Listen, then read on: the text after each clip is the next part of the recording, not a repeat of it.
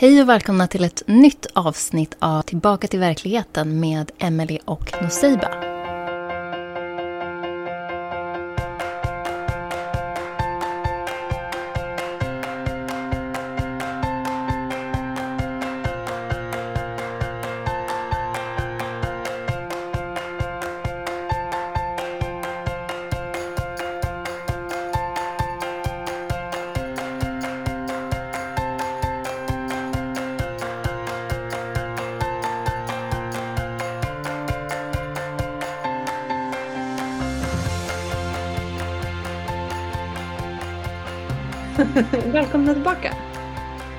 What's up? Uh, ja, vad är inte up? Hur mår du? jag vet inte. Eller jag vet hur jag mår menar jag. Bra.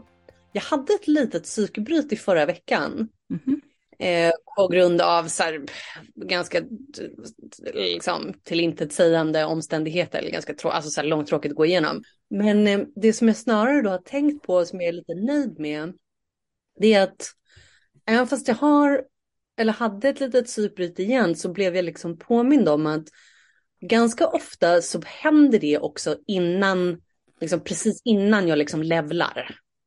Eller när jag, eller du vet precis när jag ska slå över och komma upp i en så här högre, högre nivå typ. Då brukar det också vara något som ska ut. Som är liksom lite pinsamt. Eller du vet lite så här, mm, jobbigt det är att ha värsta känslosvallet typ eller ja men du vet när man tappar lite, när man blir en sån där lite okontrollerbar kvinna och det bara blir, det blir för mycket typ, bla bla bla. Men så att eh, jag är nöjd nu för att nu, nu har jag levlat. Jag är glad. Ja, vad skönt. Alltså jag tycker också mig har satt det mönstret av att precis innan en breakthrough liksom, eller en djupare insikt så brukar det vara väldigt så här, kaotiskt. Sen så, så blir man lite så här, aha, okej, okay. och så får man lite relief. Och sen händer samma sak igen. Så det är liksom, det är väl så det brukar utveckla sig, hos mig i alla fall.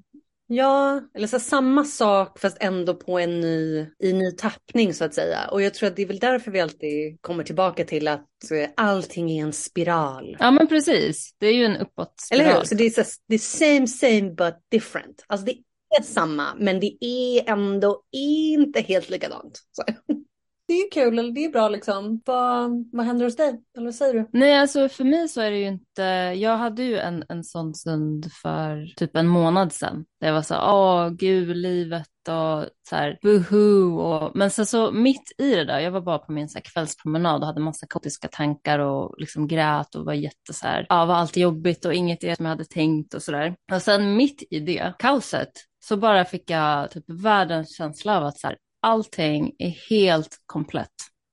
Precis nu. Det är verkligen helt, det är ingenting som är rätt eller fel, det är bara, det är komplett bara.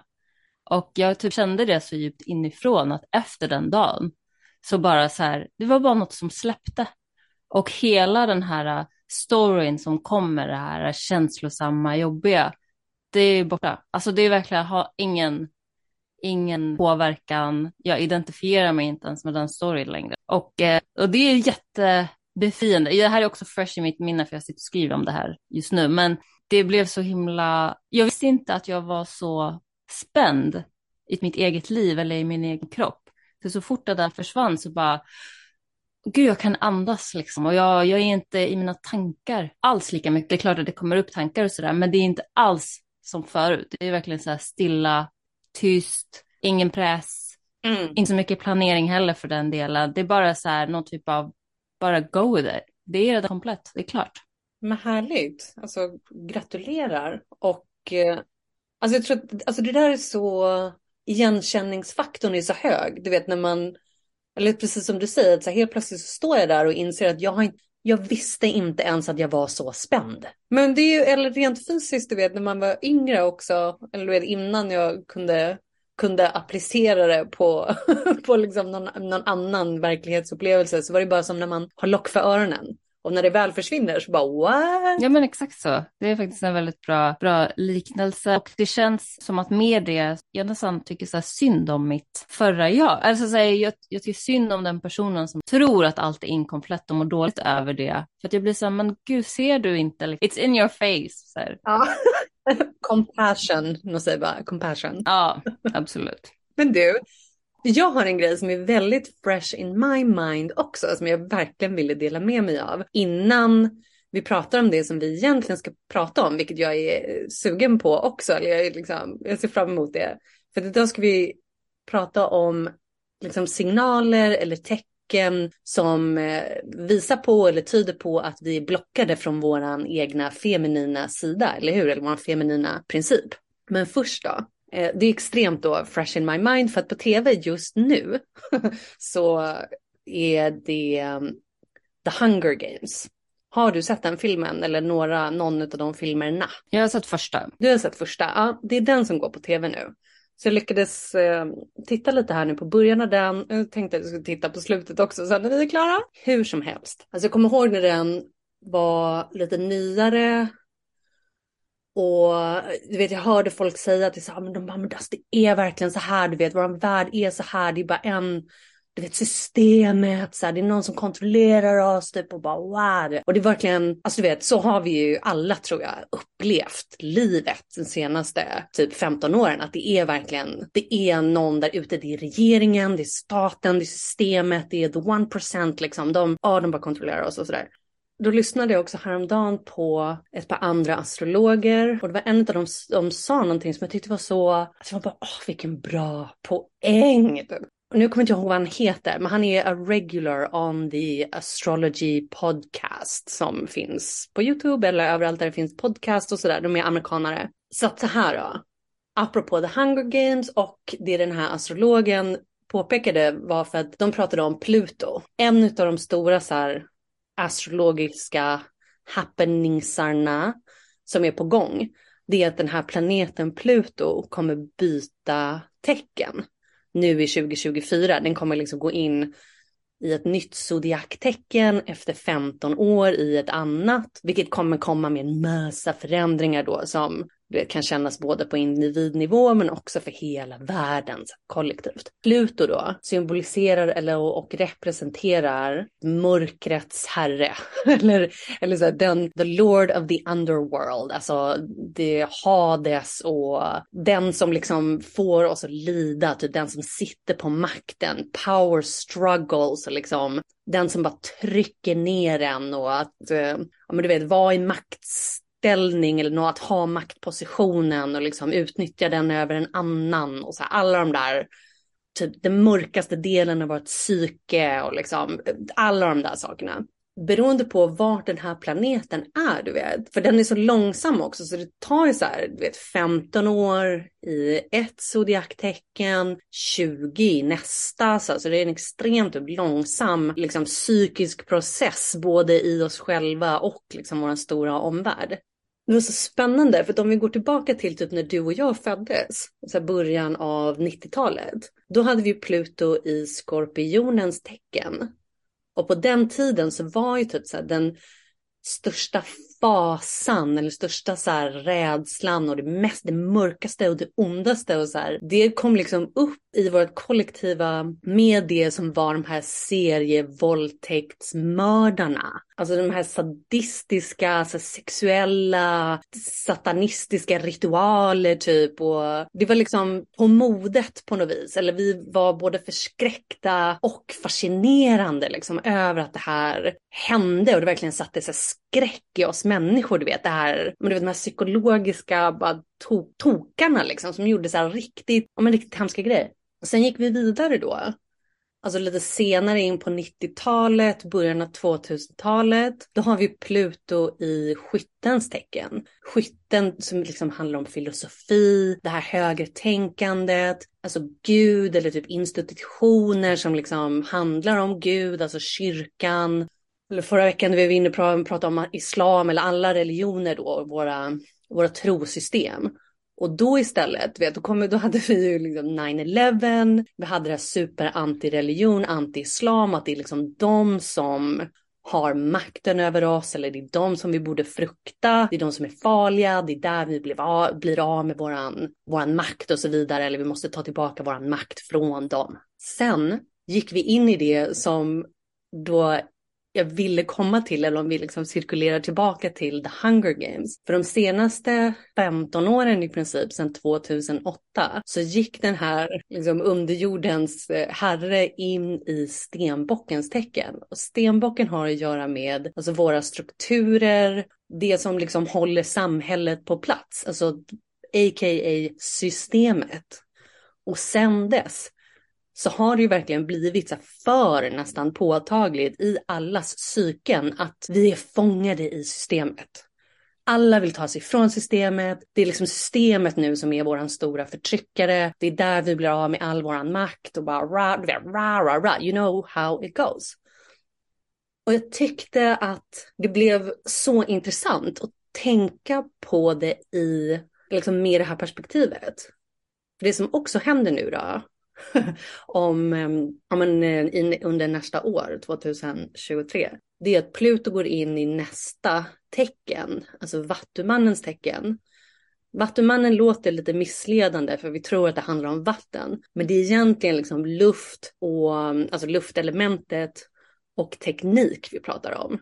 Och vi har redan börjat känna av lite grann, eller hur? Hur det är liksom tekniken och det, den digitala utvecklingen liksom springer ifrån oss. Eller typ används på ett sätt som handlar om att ta kontrollen från gemene man eller stora kollektiva och vi kommer, liksom, eller vi är ju redan på väg in i samtalet om så här, när blir det för mycket? Alltså AI, hur intelligent får den egentligen vara? Kommer robotarna ta över jorden och vi kommer bli deras slavar? Och gissningsvis så går vi alltså nu in i en så här 20 års lång process av allt som har med det där att göra och också då i och med Pluto en enorm typ fruktan och rädsla över hur det ska gå med det här och att det där då den, tekniken och det digitala och robotar och AI är liksom den nya maktförtryckaren eller den som tar makten ifrån oss och sådär. Vad säger du? Jag tror du är helt rätt. Man har ju känt det ett tag att det är lite de rädslorna som börjar komma upp. Jag kan bara liksom tala för mig själv.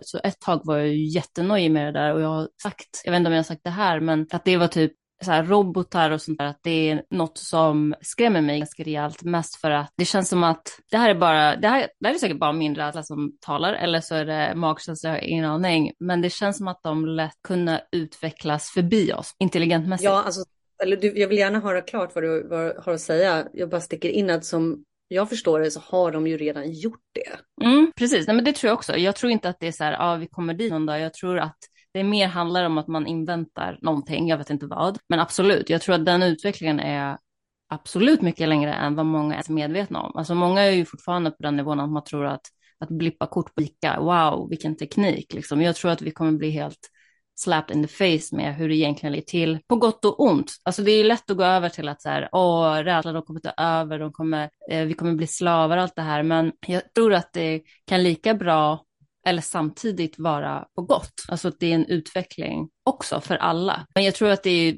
också väldigt så här klassisk människa att så fort det är något okänt så blir det ju automatiskt ett hot för att man vet liksom inte hur man ska ställa sig till det, vart man står, det är liksom misstänksamhet och sådär. Det är väl ungefär så jag tänker. Ja, jag förstår vad du tänker. Och jag tror också att det, det bästa är nog att helt enkelt komma ihåg det här att det är på gott och eller ont. För om vi pratar då om den här Pluto, liksom aspekten av vårt egna psyke, så on the flip side liksom, så är det ju också där vi tar tillbaka våran makt så att säga, eller det är där vi eh, kan hitta den här inre styrkan liksom som vi inte ens visste att vi var kapabla till till exempel. Ja, men du vet hur det låter liksom att våra största typ våra största sorger eller misslyckanden eller svårigheter i livet är ju också sen när vi kommer ut på andra sidan gärna det som var det som byggde upp oss också eller det som gjorde att vi hittade våran inre kraft och makt och sådär.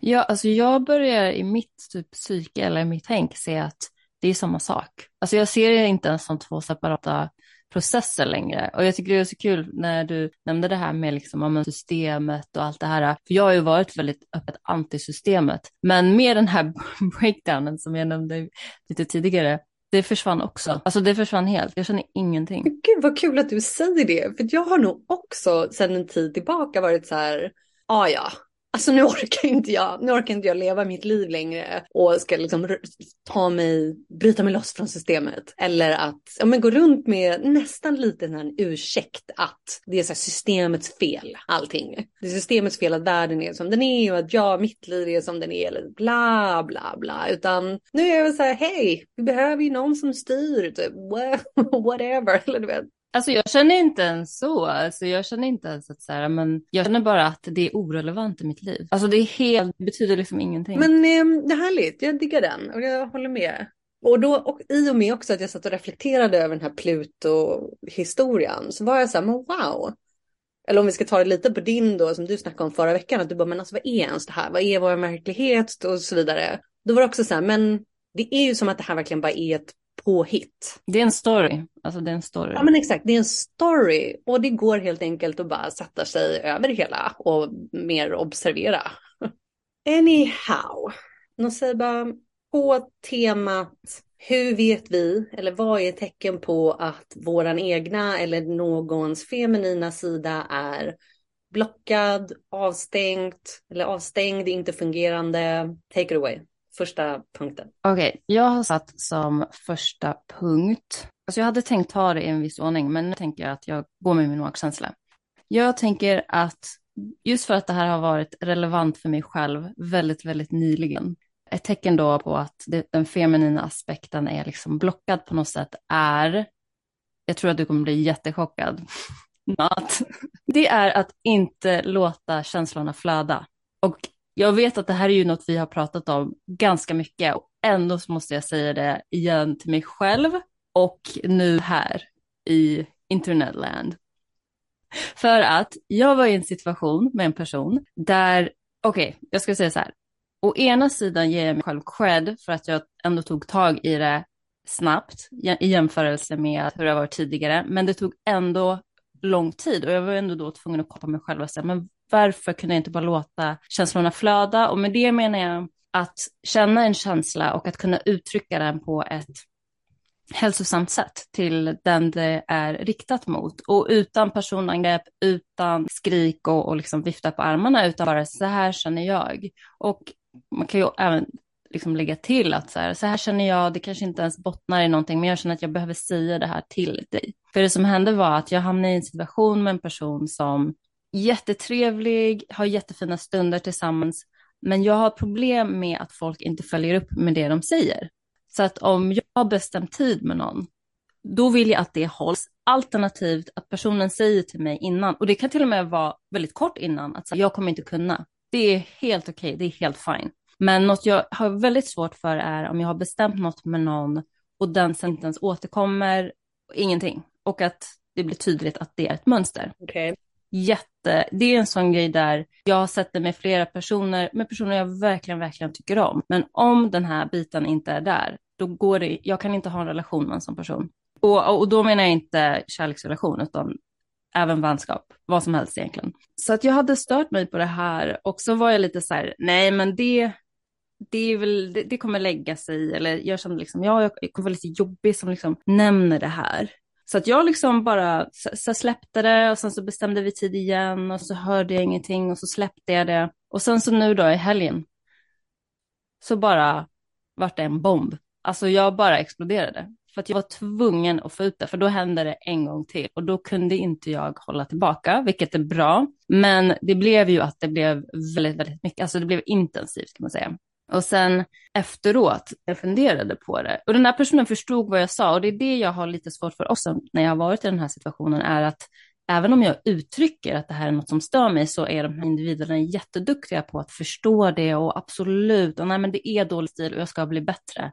Men det förändras inte så att det betyder ingenting. Liksom. Orden betyder absolut ingenting. Och det gjorde jag också att jag liksom poängterade och jag tror att under processen när jag hållit tillbaka så har jag varit så här, jag ger en till chans, jag vill vara tålmodig. Jag har ju sagt vissa saker innan om att jag tycker att det här, alltså med den här individen, Emelie, jag sa vid vårt första möte, att det här är ett ish för mig. Och personen var så här, men det är för mig med, jag har så dålig stil och jag har gått igenom det här med en vän och bla bla bla bla bla liksom.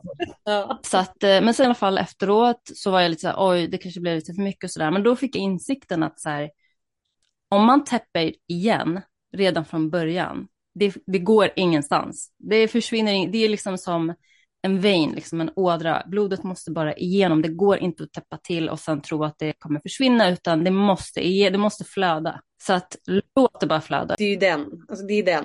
Oj, oj, oj. Alltså du vet när jag var yngre, du vet på grund av A, B, C, alltså jag bara stängde igen totalt. Och det, alltså det slutade i det är så mycket katastrof. Bara så här, den direkta motsatsen till välmående. Liksom. Alltså det var inte hälsosamt. Och för då är ju också, alltså jag håller med om att alltså, det är klart att vi ska ta upp saker. Det är klart att vi ska ta upp sånt som stör oss med den som liksom får det att hända eller den som gör det. Dock ibland så, händer, alltså ibland så kan man ju få känslor utan att det är så någons fel. Typ, eller att vet, man måste inte ta upp det med en person för att det är inte det de har gjort en och så stor orätt egentligen. Men poängen vill jag fortfarande hålla med om som du säger att det måste ändå ut på något sätt. Alltså du vet skriva av sig, bara gråta, whatever. Alltså på något sätt så måste det ju liksom, det måste gå vidare. Mm. Och att så här, jag tycker även att det är, absolut, alltså jag tänker mig att om man inte har något konkret att peka på så är det nog en process som man måste gå igenom själv, liksom att man måste få ut det, men man behöver liksom inte rikta det emot någon. Men jag tänker att när det gäller någonting som är kopplat till ens värderingar och ens välmående och där man har sett att så här, den här biten är jätteviktig för mig och att man har pratat om det, man har tagit upp det när det har hänt och det fortsätter att ske. Då tänker jag att det är superviktigt att sätta en gräns, en väldigt tydlig gräns innan det bubblar över. Ja, definitivt. Alltså, det där är en grej som jag uppskattar med min kille. För att han, alltså, när jag har gjort saker under liksom den här tiden då vi, vi träffats, vi har lärt känna varandra, vi har blivit tillsammans, wow, wow, wow. Alltså ibland så har jag gjort grejer som han, alltså första gången, du vet, han bara, he shut it down. Alltså han gjorde det så tydligt att det här är inte okej. Alltså så här kan du inte bete dig, så här kan du inte säga. Eller så här, och det är klart jag förlåter dig, men du vet, hej. Och jag tror att han är en av de första människorna i mitt liv som eh, kunde det där. eller du vet, jag var så här, okej, okay, wow, wow. Typ. Men nästan lite så här som ett barn som man bara, oj, nej men oj då, vad gjorde, gjorde jag fel nu? Ja, okej okay då, oj då. Men det är ju skönt. Alltså, det är ju skönt. jag, oh, det är jätteskönt, bra för relationen. Ja, Alltså jag tänker att det, det, det beror ju som sagt, sagt jättemycket på vad det är för relation och vad det är för liksom, för, för jag tror att för vissa, för jag tänker så här att det om något visar väl att du har ett um, hälsosamt förhållningssätt till andras gränser. För jag tror att väldigt många, ett, blir väldigt obekväma när någon annan sätter en gräns och även att kan, alltså många vet vad man ska säga när någon annan sätter en gräns. Man ska säga förlåt, man ska så här, men om det inte finns en, ett beteende som liksom stöttar upp de orden, att jag hör dig och jag förstår din gräns, då betyder det zero. Ja, precis. Vi kommer lite ifrån temat här, eller alltså från punkten. Men det är så sant. Och jag tror att det handlar om att folk, alltså lite, de är lite dåliga på det där med ödmjukhet och liksom självrannsakan vara ärlig med sig själv och liksom, ja, och det kan ju bero på liksom alla möjliga olika saker, men eh, det, ja, det blir ju knepigt, för som du säger, alltså om någon sätter, sätter en gräns eller säger hej, jag har lite feedback till dig, alltså det är många som inte är så bra på det där. Eller att ta emot. Eller så, eller så är man liksom sån som bara så här, okej, okay, jag hör dig, men jag är så här. Och alla som känner mig vet det. Bra, då vet vi båda att då är vi inte lika på den här punkten. Tack och hej då. Det behöver liksom inte vara svårare än så. Men då gäller det ju att båda är ärliga liksom, åt sitt håll. Ja visst. Då, då, där handlar det väl lite om liksom, vad det är för situation vi pratar om. Mm. Men hur som helst så hade jag nog också tänkt på den där, en av de tydligaste signalerna på att liksom, det står inte rätt till med din femininitet, det är ju att du är alltså känslo kall, liksom, eller obrydd och så här hård. Du vet, man har det här skalet. Så det hade jag också tänkt på. Och det var lite, det är lite bra, kul att vi tar den, att den punkten kom upp som först. För det var lite det som hände under mitt psykbryt som jag kallade det här i början. Mm -hmm. Det var att jag fick värsta känslostormen på jobbet. Eller så här, åh. Så det tyckte jag ju igen, alltså så här, en ganska så obetydlig grej hände, men jag fick ändå värsta känslo, eh, vad säger man, rycket. Och jag själv tyckte ju kanske inte att det, jag blir upprörd då. Eller att liksom den här feminina känslosidan kommer fram. För jag har också tänkt på det då, att så här, vad med motsatsen till det här att vara så här känslokall eller obrydd och hård och bara, du vet, håller ihop det liksom. Det är ju att vara mild, eller mjuk och så skör, känslig, sårbar. Allt det där hör ju feminina till och vissa, alltså du vet, det kryper typ i kroppen bara de hör de där orden liksom. Men jag är ju sådär ganska ofta, eller du vet, hej, I'm balanced skulle jag vilja påstå. Men då blev det också lite av en grej, du vet. Så det blev en grej att Emily liksom blev så upprörd eller Emily grät och hon var så du vet, hon var så, liksom, hon hade så mycket känslor i sig. Och jag tror jag insåg sen att det, liksom, ja, men det var en grej typ och folk visste kanske inte för hur de skulle, eller de blev så här paffa tror jag. Det är det jag försöker säga, att de blev så paffa. Sen finns det väl också då kanske som du var inne på att det finns en tid och plats liksom. Men ibland så finns det inte en tid och plats, ibland så bara händer det. Och jag tycker det var talande över hur så här, kulturen överlag bara inte är så anpassade till, till, till att hantera det där liksom, eller vara i det, vara med det liksom. Precis, alltså det blir ju lite så här tvärtom, att till exempel om någon liksom flammar upp så är det så här, men gud, hur är det med dig egentligen? Vad är det som händer? När det är fullt normalt ändå, att så länge det inte är på en vardaglig nivå, det är, på ett sätt är det ju positivt att de var så här, gud vad är det med Emelie? För det innebär ju att de har ju inte sett det här någon gång innan, liksom, att det bara råkar ske nu. Och, det, och också det här med, för jag tänkte på det nu när du pratade, det är ju så här, man snackar om känslor ibland, så låter det nästan som att man gör någonting aktivt. Det är väl det som är grejen, vi, gör, vi bestämmer ju inte oss för att så här, idag tror jag att jag ska vara lite sårbar. Alltså så här, ofta så är det ju bara, det är någonting som sker. Det handlar väl mycket mer om att så här, vara bekväm med saker när de kommer upp. Även om det innebär ett psykbryt eller en känslostorm på jobbet.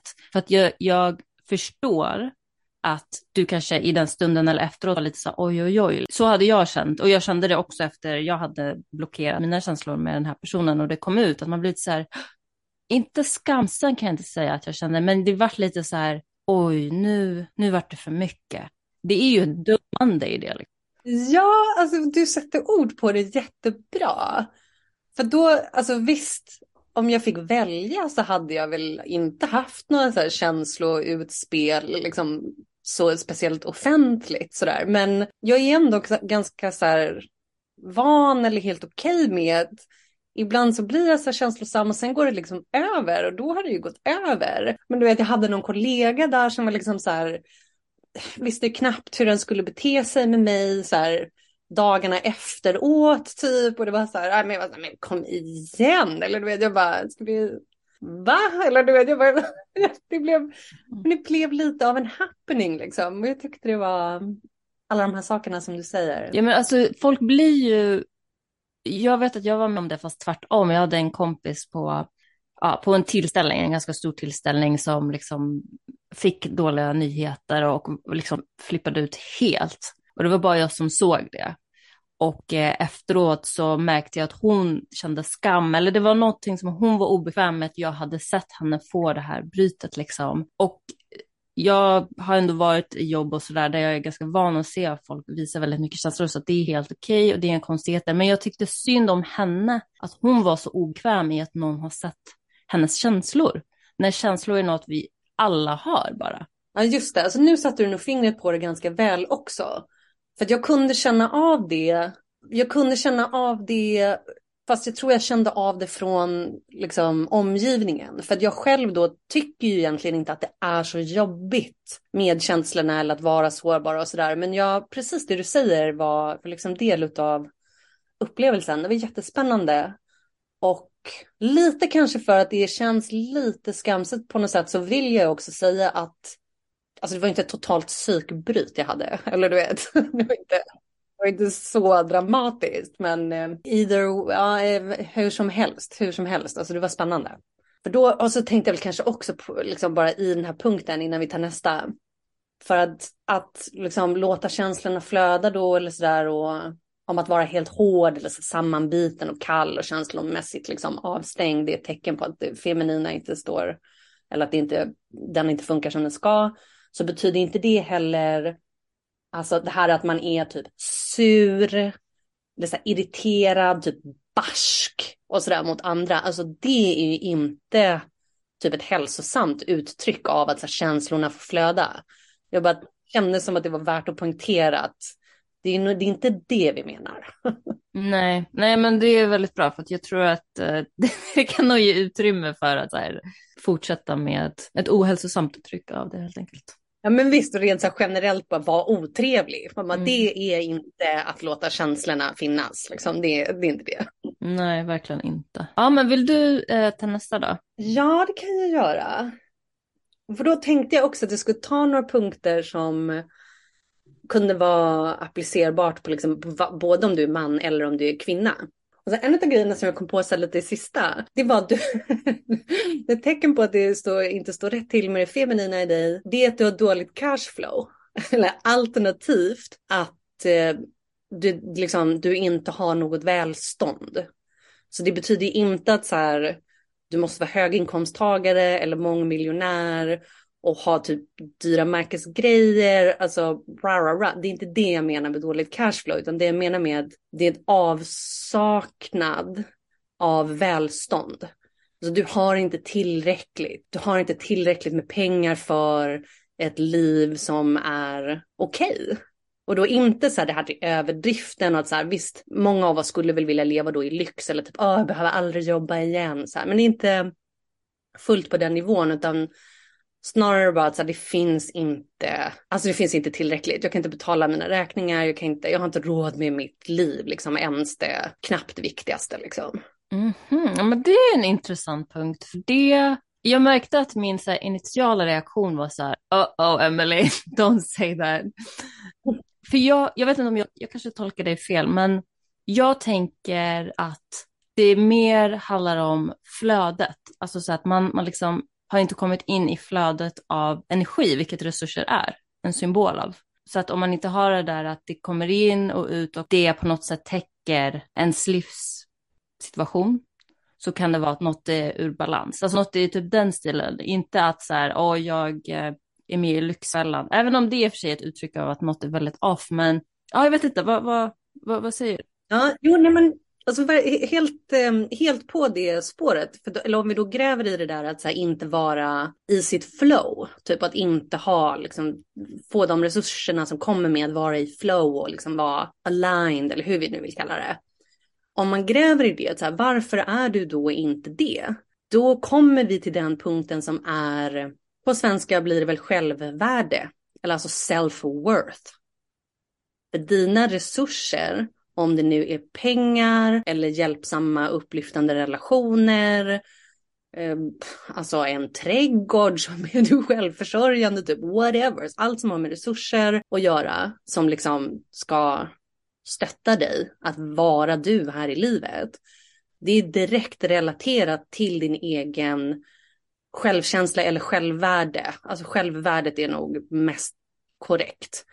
För det du, det värdet som du liksom uppfattar dig själv ha, det är direkt liksom reflekterat eller speglat i din omvärld. Mm, alltså jag tänker ju automatiskt på två saker. Det ena är att när vi tar upp de här punkterna, det är ju så här, det kan vara tecken på, det är ju inte så här jättehugget i sten, för jag tänker automatiskt direkt på så här karma och sånt, där det är, liksom, vissa saker kan man bara liksom inte styra över direkt och sen att det finns ju människor som liksom kanske känner jättehögt självvärde, men där det liksom ändå är svårt i perioden, men det finns liksom någon lärdom eller ja, men något så här, det finns en annan poäng med det än att självvärdet är off på något sätt. Och sen tänker jag även att det kan ju också vara ett har man det svårt liksom, resursmässigt med att klara sig så kan det ju också vara ett uttryck för andra grenar inom det här som är off. Till exempel att man kanske har svårt att typ, ta emot till exempel. Eller man har svårt att, alltså man har inte det feminina i styr där det är så här, oh, jag tycker om att shoppa. Och att det blir någon så här shopaholic-grej där det är, ja men jag tycker om att ha vackra saker omkring mig, jag tycker om att känna mig lyxig och jag tycker om att känna mig vacker. Alltså allt det här som är ändå kopplat till det feminina, men där det på något sätt har gått överstyr. Definitivt. Alltså jag tror att det är viktigt att vi kommer ihåg att det inte handlar alltså, bara om pengar. Eller vet, för om man börjar tänka i termer av pengar och finans och ekonomi, alltså då låser vi oss ganska snabbt liksom vid, vid det. Men snarare då tar ett så brett uttryck som välstånd. För det är klart, det finns ju massa människor där ute som har jättemycket pengar, men inte har något egentligen inre välstånd. Mm. Så det var min nästa punkt dock, vi kan ta den. Att, eh, alltså, ett annat tecken på att det inte står rätt till med den feminina principen i dig själv. Det är att du har svårt att ta emot. Eller du har svårt att bli uppassad på, du har svårt eh, liksom, att, med att bli lite bortskämd. Ja, den tror jag, jag tror ju på att det där är ett eh, västerländskt problem. Ja, definitivt. Definitivt.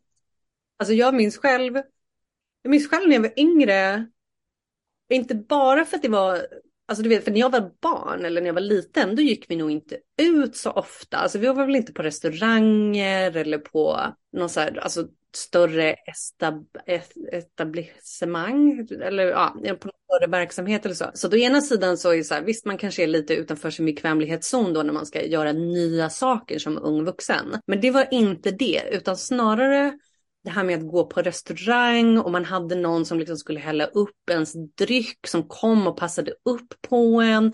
Bla bla bla. Alltså jag kommer ihåg när jag var yngre att jag bara, alltså jag tyckte det var, jag tyckte det var nästan befängt. Eller vad så här, jag tyckte, ja, men jag tyckte att så här, vem är jag som ska sitta här och någon ska passa upp på mig eller nej och du vet, nej. Jag bara var 100% inte avslappnad och bekväm i det. Nej. Jag tror att det är säkert många som känner igen sig i det. Jag, alltså som sagt, den här äh, kaotiska känslostormen som jag pratade om i början, alltså efter det så har jag bara tagit emot och jag känner ingen skam. Alltså jag vet inte vad det där var för något, men det har tagit bort all... Jag har, träffat, jag har varit ganska social senaste tiden och träffat folk som har bjudit mig på det ena och det andra och jag vet att jag hade tyckt att det där var ganska jobbigt förut, eller om inte jobbigt så hade jag varit lugn i känslan av att men jag kommer ju ta nästa runda, så då är det okej. Okay. Men nu, noll skam. Ja, härligt. härligt. Samma här. Alltså det har varit en, det har varit en, en process, både liksom andligt, psykologiskt, mentalt och känslomässigt att så här, inse att aha, det är meningen. det, är, det är meningen. Som bara att visa uppskattning, för man blir ju så här genuint tacksam. Bara, inte bara för att så här, åh, jag, utan man bara, gud, gud vad fint, tack för att du gör det här för mig. Ja visst, ja visst. Men som du sa, det är nog ett, eller det är ett högst västerländskt problem.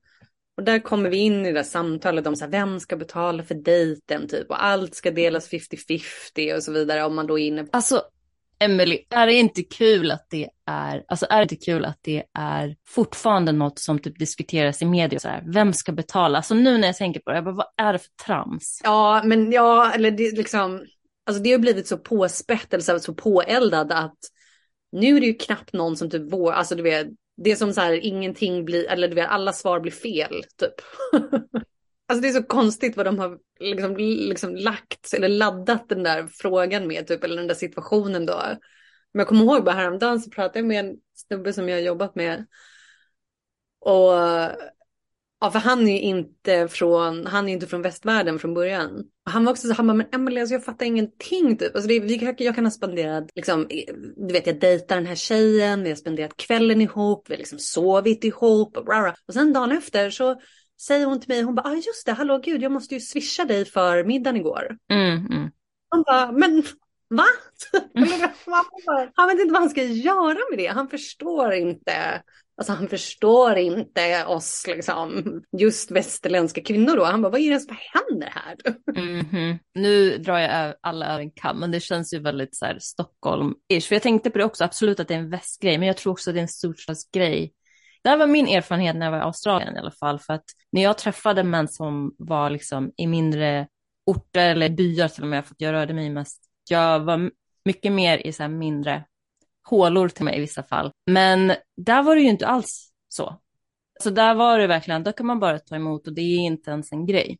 Ja, alltså där, jag tror att du är helt, eh, eller jag tror att det ligger mycket i det som du säger nu. Och jag tror också att det blir så väldigt talande för, eller blir tydligt på att Alltså den här storstadsmentaliteten, för i det så har ju, hängde det ju med. Jag är inte direkt från storstan, men ändå så i närheten av den, växte upp utanför liksom. Och det kom ju med någon typ av uppfattning om att på landet är de lite efter. Mm. Eller utvecklingsländerna, de ligger liksom lite bakom oss. Och det är vi som egentligen vet hur det, hur det ligger till eller hur det borde vara. Och vi är så progressiva och liksom bra, bra, bra. När det i själva fallet många gånger kanske är precis tvärtom. Det skulle ju aldrig en storstadsmänniska känna. Nej, och det är så här, okej, okay, alltså inte till hundra procent, men vi pratar nej. generellt här. Mm -hmm. Så att ja, nej men ja, hundra procent vad jag höll med dig om det där, var en bra poäng. Du, en av dina punkter då, sista kanske för idag? Alltså jag har ju två, du, får, du kan få välja en. En har jag döpt meningslöst varande och en har jag döpt till njuta konsekvensfritt. Och den första då, den var... Um... Meningslöst varande. Ja, den känns lite, lite maffig liksom, så att man, man skulle kunna, vi skulle kunna gå in i den ganska djupt. Så jag säger, vi sparar den mm. till nästa vecka. Och så tar vi nummer två. En signal på att det feminina är lite blockerat eller behöver eh, få lite mer plats i livet det kan vara att man inte kan njuta konsekvensfritt. Och med det så tänker jag att kunna koppla bort hjärnan helt och bara så här använda sina sinnen till att bara njuta. För jag tycker fortfarande det finns en bild av att när folk njuter av något, vi säger att det bara är en tårtbit eller att de åker iväg på en semester utan något mål, liksom. Att det finns man måste liksom rättfärdiga det med att man har varit produktiv eller man har varit duktig på något sätt. Eller det här är bara tillfället, det är bara idag. Eh, jag har inte ätit där choklad på sex månader. Och eh, alltså man måste liksom rättfärdiga på något, något sätt istället för att njuta av det som att det inte finns någon konsekvens, som att det inte finns någon morgondag och bara så här ta in det helt. Och som sagt, lämna hjärnan utanför det hela, utan det handlar bara om att så här, låta sinnena ta över. Ja, bra punkt. Jag förstår precis vad du menar. Ja, men visst, det är samma sak som att när vi gör någonting då för njutningens skull så kan man få lite dåligt samvete för det. Mm -hmm. Och känna, känna den där att jag borde nog egentligen kanske göra någonting annat. Eller jag har ju så många saker att göra. Så att eh, det, jag, bo, ja, jag borde inte göra det här liksom. Bra, bra, bra, bra, bra. Ja, och även efteråt. Alltså jag har varit med om det några gånger, att jag kan ha varit med en kompis och vi har varit ute och liksom ätit någonting gott som kanske inte klassificeras som nyttigt direkt, eller det gör inte kroppen någon nytta. Och så, så märker man liksom att de kanske hjälper lite dåligt humör efteråt, eller ah, nej, men nu måste jag ju upp till gymmet tidigt för att så här, kompensera för det här. Ja, det ska kompenseras för också. Och sen förstår jag ju såklart när det gäller njutning, oftast är ju det kopplat till saker som man tycker om, så att det kan ju lätt bli att man bara vill fortsätta, fortsätta, fortsätta. Och det är inte poängen heller, för det som händer till slut är ju att man njuter ju inte av det heller då, utan då normaliseras det eller så blir det någon typ av beroende. Men man ska ju inte heller bara ta bort allt helt. Och jag tycker ändå, jag vågar nog ändå säga att jag tycker de flesta ska släppa in njutning mycket, mycket mer än vad man gör. Hundra procent, jag håller helt med. Och jag kommer tänka på hur alltså, ofta så kanske när vi är yngre men också i det vuxna livet så det, kan jag nog eller jag har en föreställning ändå om att ganska ofta så typ förlöjligar vi folk för det de gillar. Alltså deras intressen, det de gillar att göra, det som är deras, deras grej liksom, som de verkligen bara gillar.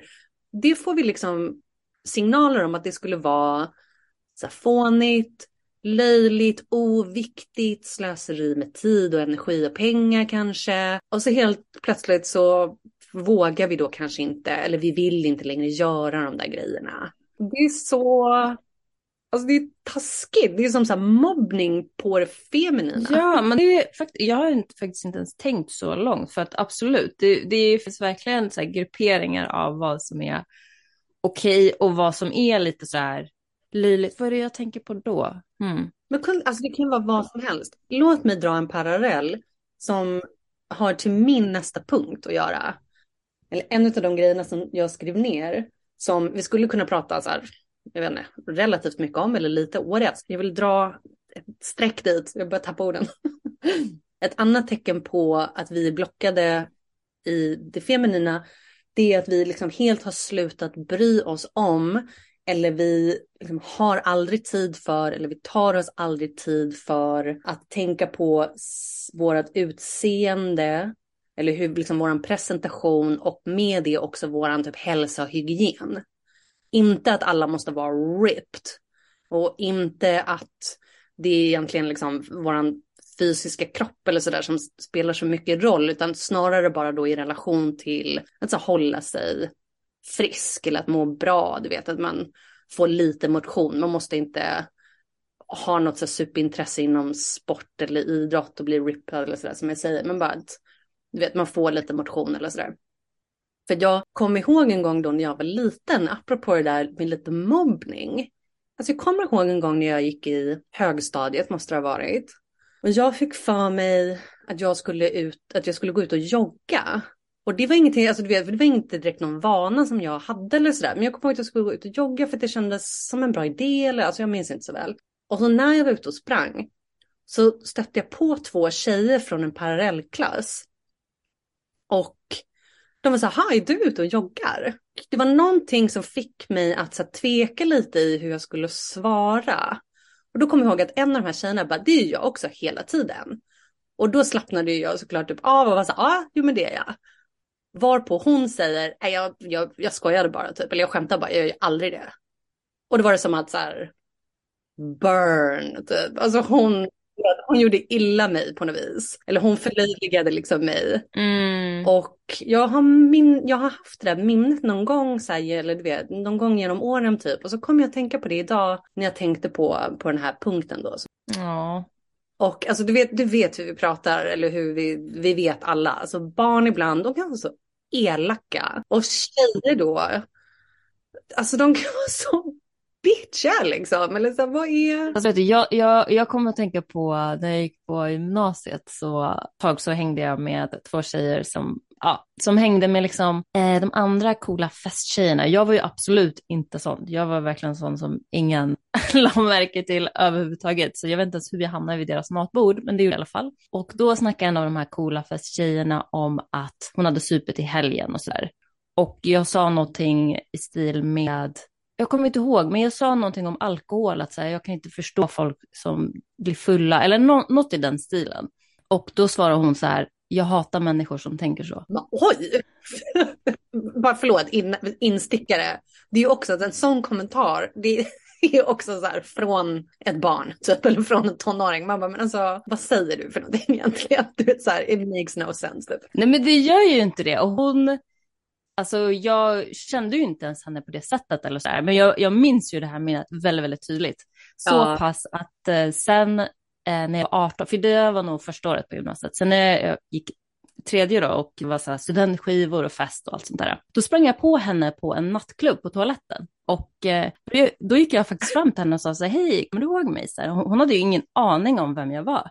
För hon bytte typ skola eller något sånt där sen också. Men så berättade jag för henne, jag bara, men när vi var liksom i matsalen, jag var med en tjej som heter si och så och jag sa så här och du svarade så här. Och hon bara, men gud förlåt! Och gav mig världens kram. Hon bara, jag brukade vara sån bitch. Så det var ju full circle moment. Ja visst, ja men vad fint. Ja, visst, alltså den här den där unga damen som var så osoft mot mig när vi gick i högstadiet, alltså hon är säkert en jättehärlig, snäll, balanserad, ung, trevlig dam idag. Liksom, du vet, jag vet inte, vi gör och säger så mycket konstiga saker ibland. ja, jag håller helt med. Och allt som sker då, det är ju så stort då. Men ja, oftast växer man ju och märker att men det är bara skitungar liksom. Ja, men det var det är roligt. Alltså det får mig att skratta den där den kommentaren liksom att jag hatar folk som tänker så eller är så eller gör så. För det, alltså det är så, ja, men det är så barnsligt liksom. Eller man vet, mm -hmm. man vet att det där kommer från liksom ett barn. För att det är, det är väldigt begränsat liksom, medvetande där det, där, där det där kommer ifrån. Så det är, lite, det är lite gulligt. Jo, det jag skulle säga var att jag minns när vi var små att det var verkligen, alltså det var så hårt att säga så. Du vet, det var typ det, mhm. hår, något det hårdaste man kunde komma på. vi plockar upp det här nästa vecka igen då. Mm, absolut, tack så jättemycket för idag. Ja, tack för idag. Ciao.